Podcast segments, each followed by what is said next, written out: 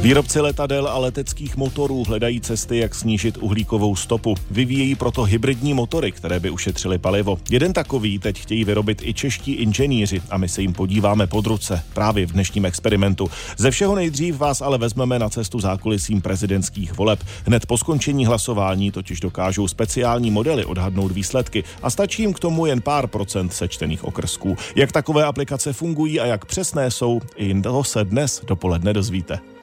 Přesně před 70 minutami začal druhý den prezidentských voleb. Místnosti budou po celém Česku otevřené až do dvou hodin odpoledne a brzy poté bychom už mohli mít představu o tom, kdo postoupí do druhého kola. A nebudeme ani muset čekat na to, až komise spočítají všechny hlasy. Už při několika procentech sečtených okrsků totiž dokážou konečné výsledky předpovědět speciální predikční modely. Jeden takový má i náš spravodajský server i rozhlas.cz. Vezmu stránky, které ještě nikdo nevidí že už máme volby připraveny samozřejmě. Jiří Špaček, projektový manažer serveru iRozhlas.cz, mi v newsroomu tohoto spravodajského webu na počítači ukazuje model predikce výsledků prezidentských voleb. V sobotu odpoledne už bude k vidění přímo na hlavní stránce. Může každý, kdo k nám přijde, se dívat, jak to průběžně odhaduje konečné výsledky už od sečtených 5%. To má jakmile 5% okrsku sečteno, už ukazujeme odhad našich výsledků a pak každých 5% to zpřesňuje a zpřesňuje. Na tomhle rozhlasovém projektu pracovali také vědci z Matfizu na Univerzitě Karlově. Model tak funguje na základě klasické statistické metody. Odhaduje pravděpodobnost, vychází z toho, jak se volilo v minulých letech, sbírá eh, výsledky z jednotlivých okrsků a ty vlastně srovnává s tím, jak se to tady těch okrsků vyvíjelo dál a postupně to dočítá, zpřesňuje, zpřesňuje. Když jsme dělali parlamentní volby, tak se to docela povedlo. Bylo sečteno více jak 30%, takže už jsme byli vlastně tam a predikujeme teda. Že bychom teda sjednotili ty lokality. Teď už jsme jinde. A to v sídle softwarové firmy Blindspot v Pražském Karlíně. Také ona má vlastní model. Založený je na trochu jiném principu. Tohle je skutečně model strojového učení, který se právě učí tu transformaci sentimentu z historických voleb do nových voleb. Vysvětlujeme zdejší vedoucí projektů v oboru umělé inteligence Jiří Čermák. Je to skutečně model, který tady se učí čistě na základě dat, které získáváme a není tam žádná korekce třeba nějak nějakého expertního názoru. Zatím cvičná jména, cvičné grafy, ale takhle to pak bude vypadat reálně. Ano, ano. Nahrajeme skutečné fotografie těch kandidátů, jejich skutečná jména. To už je jenom poslední konfigurace, která se už dělá. Je velmi rychlá. Výsledky budou k vidění na webu volby.blindspot.ai. Když se podíváme do minulosti, tak při druhém kole minulých prezidentských voleb váš predikční model předpověděl finální výsledky s chybou pod 1% bod už při pouhých 3% sečtených okrsků. To je extrémně dobré. Samozřejmě to druhé kolo je jednodušší, protože jsou tam už jenom dva subjekty.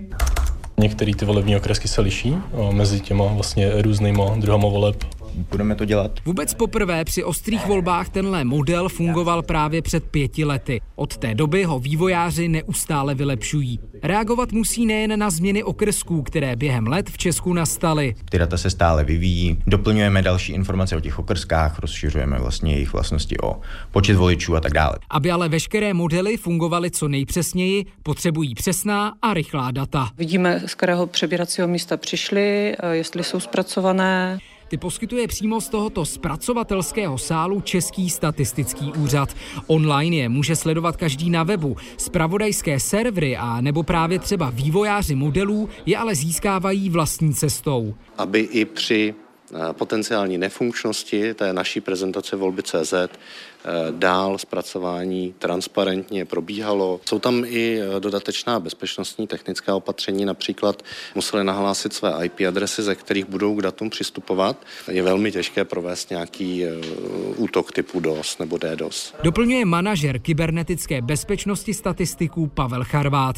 Jak složité je naprogramovat modely odhadující výsledky voleb, o tom budeme v magazínu Experiment mluvit ještě za chvíli. Ondřej Vaňura, Radiožurnál. V magazínu radiožurnálu Experiment ještě zůstáváme u modelů předpovídajících výsledky prezidentských voleb. K odhadům jim stačí jen pár procent sečtených hlasů. Jeden takový můžete vyzkoušet v praxi už dnes odpoledne na našem spravodajském serveru i rozhlas.cz a právě tuhle sčítací volební aplikaci si taky můžete úplně jednoduše umístit na své webové stránky. Jiný model vytvořila česká společnost Blindspot. I o tom už jste slyšeli v předchozí reportáži. Hlavním autorem byl před lety Vojtěch Létal, který dnes ve Švýcarsku pracuje pracuje jako inženýr strojového učení pro přední světovou technologickou společnost. V rozhovoru s reportérem experimentu Ondřejem Vaňurou popisuje nejen to, co ho k vytvoření modelu přimělo v roce 2017, kdy se blížily prezidentské volby tenkrát, mě zajímalo, jak ostatní agentury, jak dělá svoje predikce voleb a zdálo se mi, že jsou velmi konzervativní, že poměrně pomalu dávají ten přesný výsledek a mě zajímalo, jestli to můžu udělat líp tenkrát. A začal jsem tak jako na koleni po práci zkoušet, jak já bych to byl býval udělal trochu naivním způsobem a zjistil jsem, že ten model, který jsem dokázal stvořit já, ověřil jsem si ho na předchozích volbách, protože data dává Český statistický úřad veřejně, tak jsou dostupná roky a roky a volby a volby zpátky, tak jsem zjistil, že mám model, který je schopný už při 5 až 10 procentech sečtených hlasů dát poměrně precizní výsledek. Dokážete mě jako úplnému lajkovi říct, co na tom bylo nejtěžší, na tom vytvoření toho modelu? Musím říct, že jsem byl překvapený, jak až jednoduché to reálně bylo. Můžu v klidu říct, že všechny potřebné nástroje, které člověk potřebuje k tomu, aby takový model vytvořil, tak se naučí v druhém semestru studia na jakékoliv technické škole v Praze. Je jenom o tom mít trochu nadhledu, jak ty nástroje použít a jak ten model poskládat dohromady, ale reálně tam není nic zásadně překvapivého.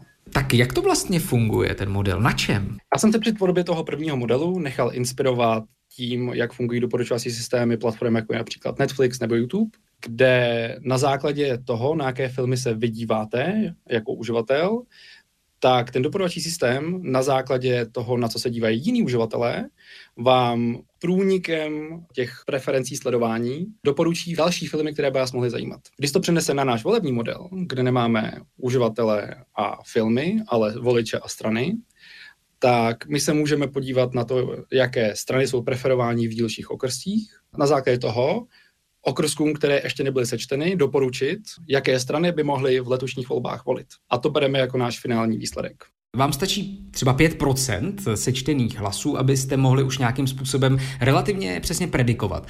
Ale e, úplně první vždycky jsou sečtené ty nejmenší okrsky, malé vesnice, když to třeba velká města, na výsledky se v nich čeká a velká města to dokáží třeba i zvrátit ty výsledky.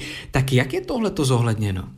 To je právě strašně zajímavé tenhle ten efekt, který popisujete, toho, že nejdřív se sečtou malé okrsky a pak se čeká na ty velké okrsky, tak mi přijde velmi zajímavý z několika důvodů. Jeden z nich je, že má i takový až konspirační efekt, že slyšíte, že vidíte na Twitteru lidi, jak píšou, že Praha rozhodne volby a, a tak. Ale přitom realita je jasná. Malé okrsky se sečtou rychle, velké okrsky se sečtou pomalu.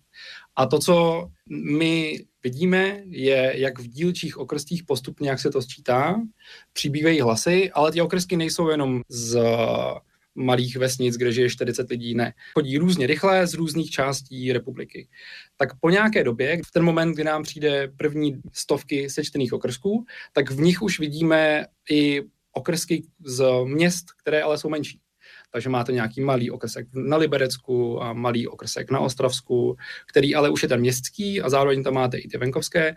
A ta informace napříč tím spektrem těch okresků je již tolik, že z toho jsme schopni extrapolovat na ty ostatní okresky. Dodává pro magazín Experiment inženýr strojového učení Vojtěch Létal. Ondřej Vaňura, Radiožurnál. Do roku 2050 chce být Evropa uhlíkově neutrální i v letecké dopravě. Hybridní motor, který by snížil spotřebu paliva a tím i množství CO2 v atmosféře, vyvíjejí teď taky čeští inženýři v pražských letňanech.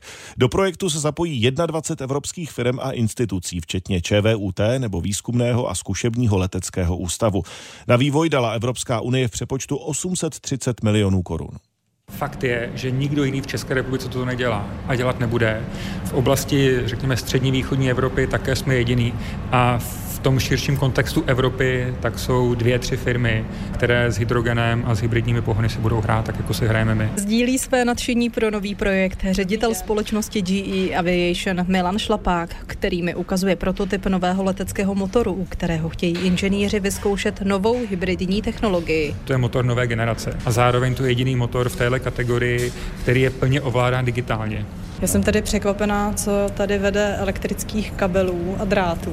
To, co vidíte, to jsou signály, které jsou vyvedeny od těch čidel, které jsou uvnitř toho motoru. Říká vedoucí vývojové zkušebny Patrik Vraspír. Tohle slouží skutečně pouze pro vývojové testy a ta očekávaná architektura toho hybridního systému bude taková, že tento motor Catalyst, což je klasický turbovrtulový motor, bude doplněn o elektromotor, který mu bude buď v určitých fázích letu pomáhat, a nebo mu bude pomáhat v průběhu eh, všech fází toho letu a ten elektromotor, ten bude poháněn palivovým článkem, který bude samozřejmě pohánět vodík. Známé technologie tak inženýři propojí a vyzkouší, jak pracují v extrémní zátěži v laboratořích. Na těchto testech se bude podílet i výzkumný a zkušební letecký ústav, říká jeho ředitel Josef Kašpar. My tam vlastně zjišťujeme, po kolika hodinách se vyskytne nějaká porucha, jaká.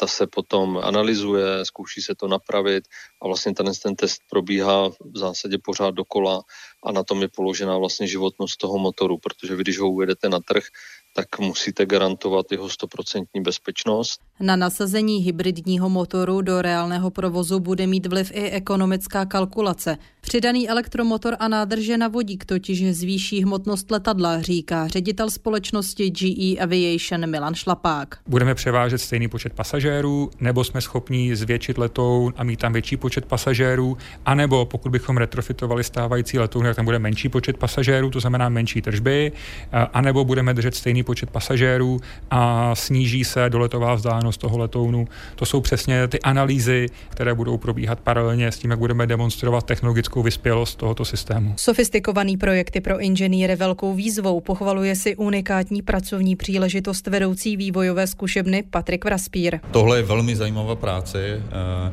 vzhledem k tomu, že to tady nikdy nebylo. Ty vývojové projekty opravdu dávají hodně, hodně lidem i tomu prostředí. Firma investuje do toho vybavení, eh, do zařízení, je to pro ty lidi zajímavý. I pro potom absolventy vysokých škol. Na co vy konkrétně se těšíte? Já se většinou vždycky těším na to, eh, když se to povede a startujeme jako oživujeme. Vždycky jsme doposavat měli úspěch, ta euforie a vidíte ty obličeje těch lidí, to je jako koukat se na malé děti, kteří mají radost toho, že dostali hračky. Vývoj hybridního motoru bude trvat čtyři roky a letadlo s takovým pohonem by pak první cestující mohlo svést o několik roků později. Iveta Vávrová, Radiožurnál. I krátce před tři čtvrtě na deset posloucháte vědecko-technologický magazín radiožurnálu Experiment. Covidová pandemie podle vědců zdaleka nebyla poslední zdravotní hrozbou pro vyspělý svět. Odborníci a úřady pracují na tom, abychom byli na tu příští lépe připraveni. Evropská unie proto loni zřídila nový úřad pro připravenost a reakci na mimořádné situace v oblasti zdraví, zkráceně HERA. Co má na starosti, o tom teď víc v exkluzivním rozhovoru pro Experiment s generální generálním ředitelem Pierrem Delso. Když mluvíme o připravenosti, znamená to také předvídat budoucí krize. A k tomu potřebujete výzkum a vývoj. Uvedu konkrétní příklad. Vakcíny proti covidu byly dostupné velmi rychle, protože tu byly dlouhodobé investice do výzkumu a vývoje tzv. mRNA technologie. Pokud chceme jako hera být připraveni na budoucí krize, musíme investovat do výzkumu a inovací. Poučili jsme se z covidové krize také v dobrém? Ukázalo se, že máme máme něco užitečného v rukou? Pro mě byly nejdůležitější pozitivní poznatky z covidové krize solidarita mezi členskými státy a také solidarita mezi Evropou a zbytkem světa. Zažili jsme mnoho situací, kdy některé členské státy měly nedostatek vakcín a okamžitě mohu říct, že pokaždé, když některý ze států požádal o pomoc, ostatní byli ochotné poskytnout vakcíny. Opravdu to na mě zapůsobilo. A ten druhý rozměr, během nejtěžší fáze covidové krize Evropa jako jediná poskytovala vakcíny zbytku světa. Vyvezli jsme víc než miliardu a 700 milionů očkovacích dávek. Kanada, Japonsko, Mexiko dostali očkování ne díky Spojeným státům americkým, ale díky Evropě. Not because of the US, but because of Europe. V covidové krizi byla také důležitá solidarita mezi vědci, sdílení dat a podobně. Plánujete nějaké inovace i v této oblasti? Má to různé aspekty. Především chceme rozpoznat budoucí zdravotní krize co možná nejdříve. K tomu budujeme databázi, která bude propojovat existující databáze. Chceme zkusit analyzovat, co se děje kdekoliv jinde ve světě a předvídat. Druhý aspekt je, že ze svého rozpočtu chceme financovat nový výzkum vakcín, léků a podobně. Za třetí už průběžně vytváříme sítě laboratoří po Evropě, protože je důležité, abychom měli kolektivní reaktivní odpověď z různých laboratoří. Znamená to, že když se například objeví něco v České republice, laboratoře ve zbytku Evropy se pustí do práce na tom samém problému, aby pracovali společně a pomáhali Česku. A naopak, když se něco stane třeba v Belgii, budou na tom pracovat i české laboratoře. To je velmi důležité. This is extremely important. Existují nějaké náznaky toho, co by mohlo být příští zdravotní krizí pro Evropu? Chtěl bych se zmínit o něčem, o čem se nejspíš moc nevím, i když to tu už je a zabíjí to tisíce lidí v Evropě i jinde. Je to rezistence vůči antibiotikům. Nemocní lidé se nemohou vyléčit, protože jim neúčinkují léky. To je jedna věc, na které pracujeme. Další věc jsou patogeny, které tu stále máme a nezmizely. Pořád jsou tu opičí neštovice a nejspíš tu zůstanou na pořád, i když se situace zlepšuje. A dále vidíme třeba případy eboli, ne v Evropě, ale v Africe. Ale víte, jak je cestování snadné. A nakonec se musíme podívat na to, co se děje na Ukrajině. Jak dopadá válka na zdravotní problémy. Lidé tam nedostanou potřebné léky a když utečou do Evropy, problém se přenese k nám. Chceme projevit solidaritu s Ukrajinou a hledat způsoby, jak jim pomoci. To je také součást mandátu Hera and this is also part of the mandate of EHA. Dodává v magazínu Experiment Pierre Delso, generální ředitel HERA, čili Úřadu pro připravenost a reakci na mimořádné situace v oblasti zdraví. Martin Srb, Radiožurnál. Čeští vědci se znovu po desítkách let pustili do zkoumání gregoriánských chorálů. V unikátním projektu se pomocí vypočetních algoritmů používaných v biologii pokusí přijít na jejich původ. Počítačový systém dokáže během krátkého času porovnat tisíce chorálů a najde i sebe menší odchylky.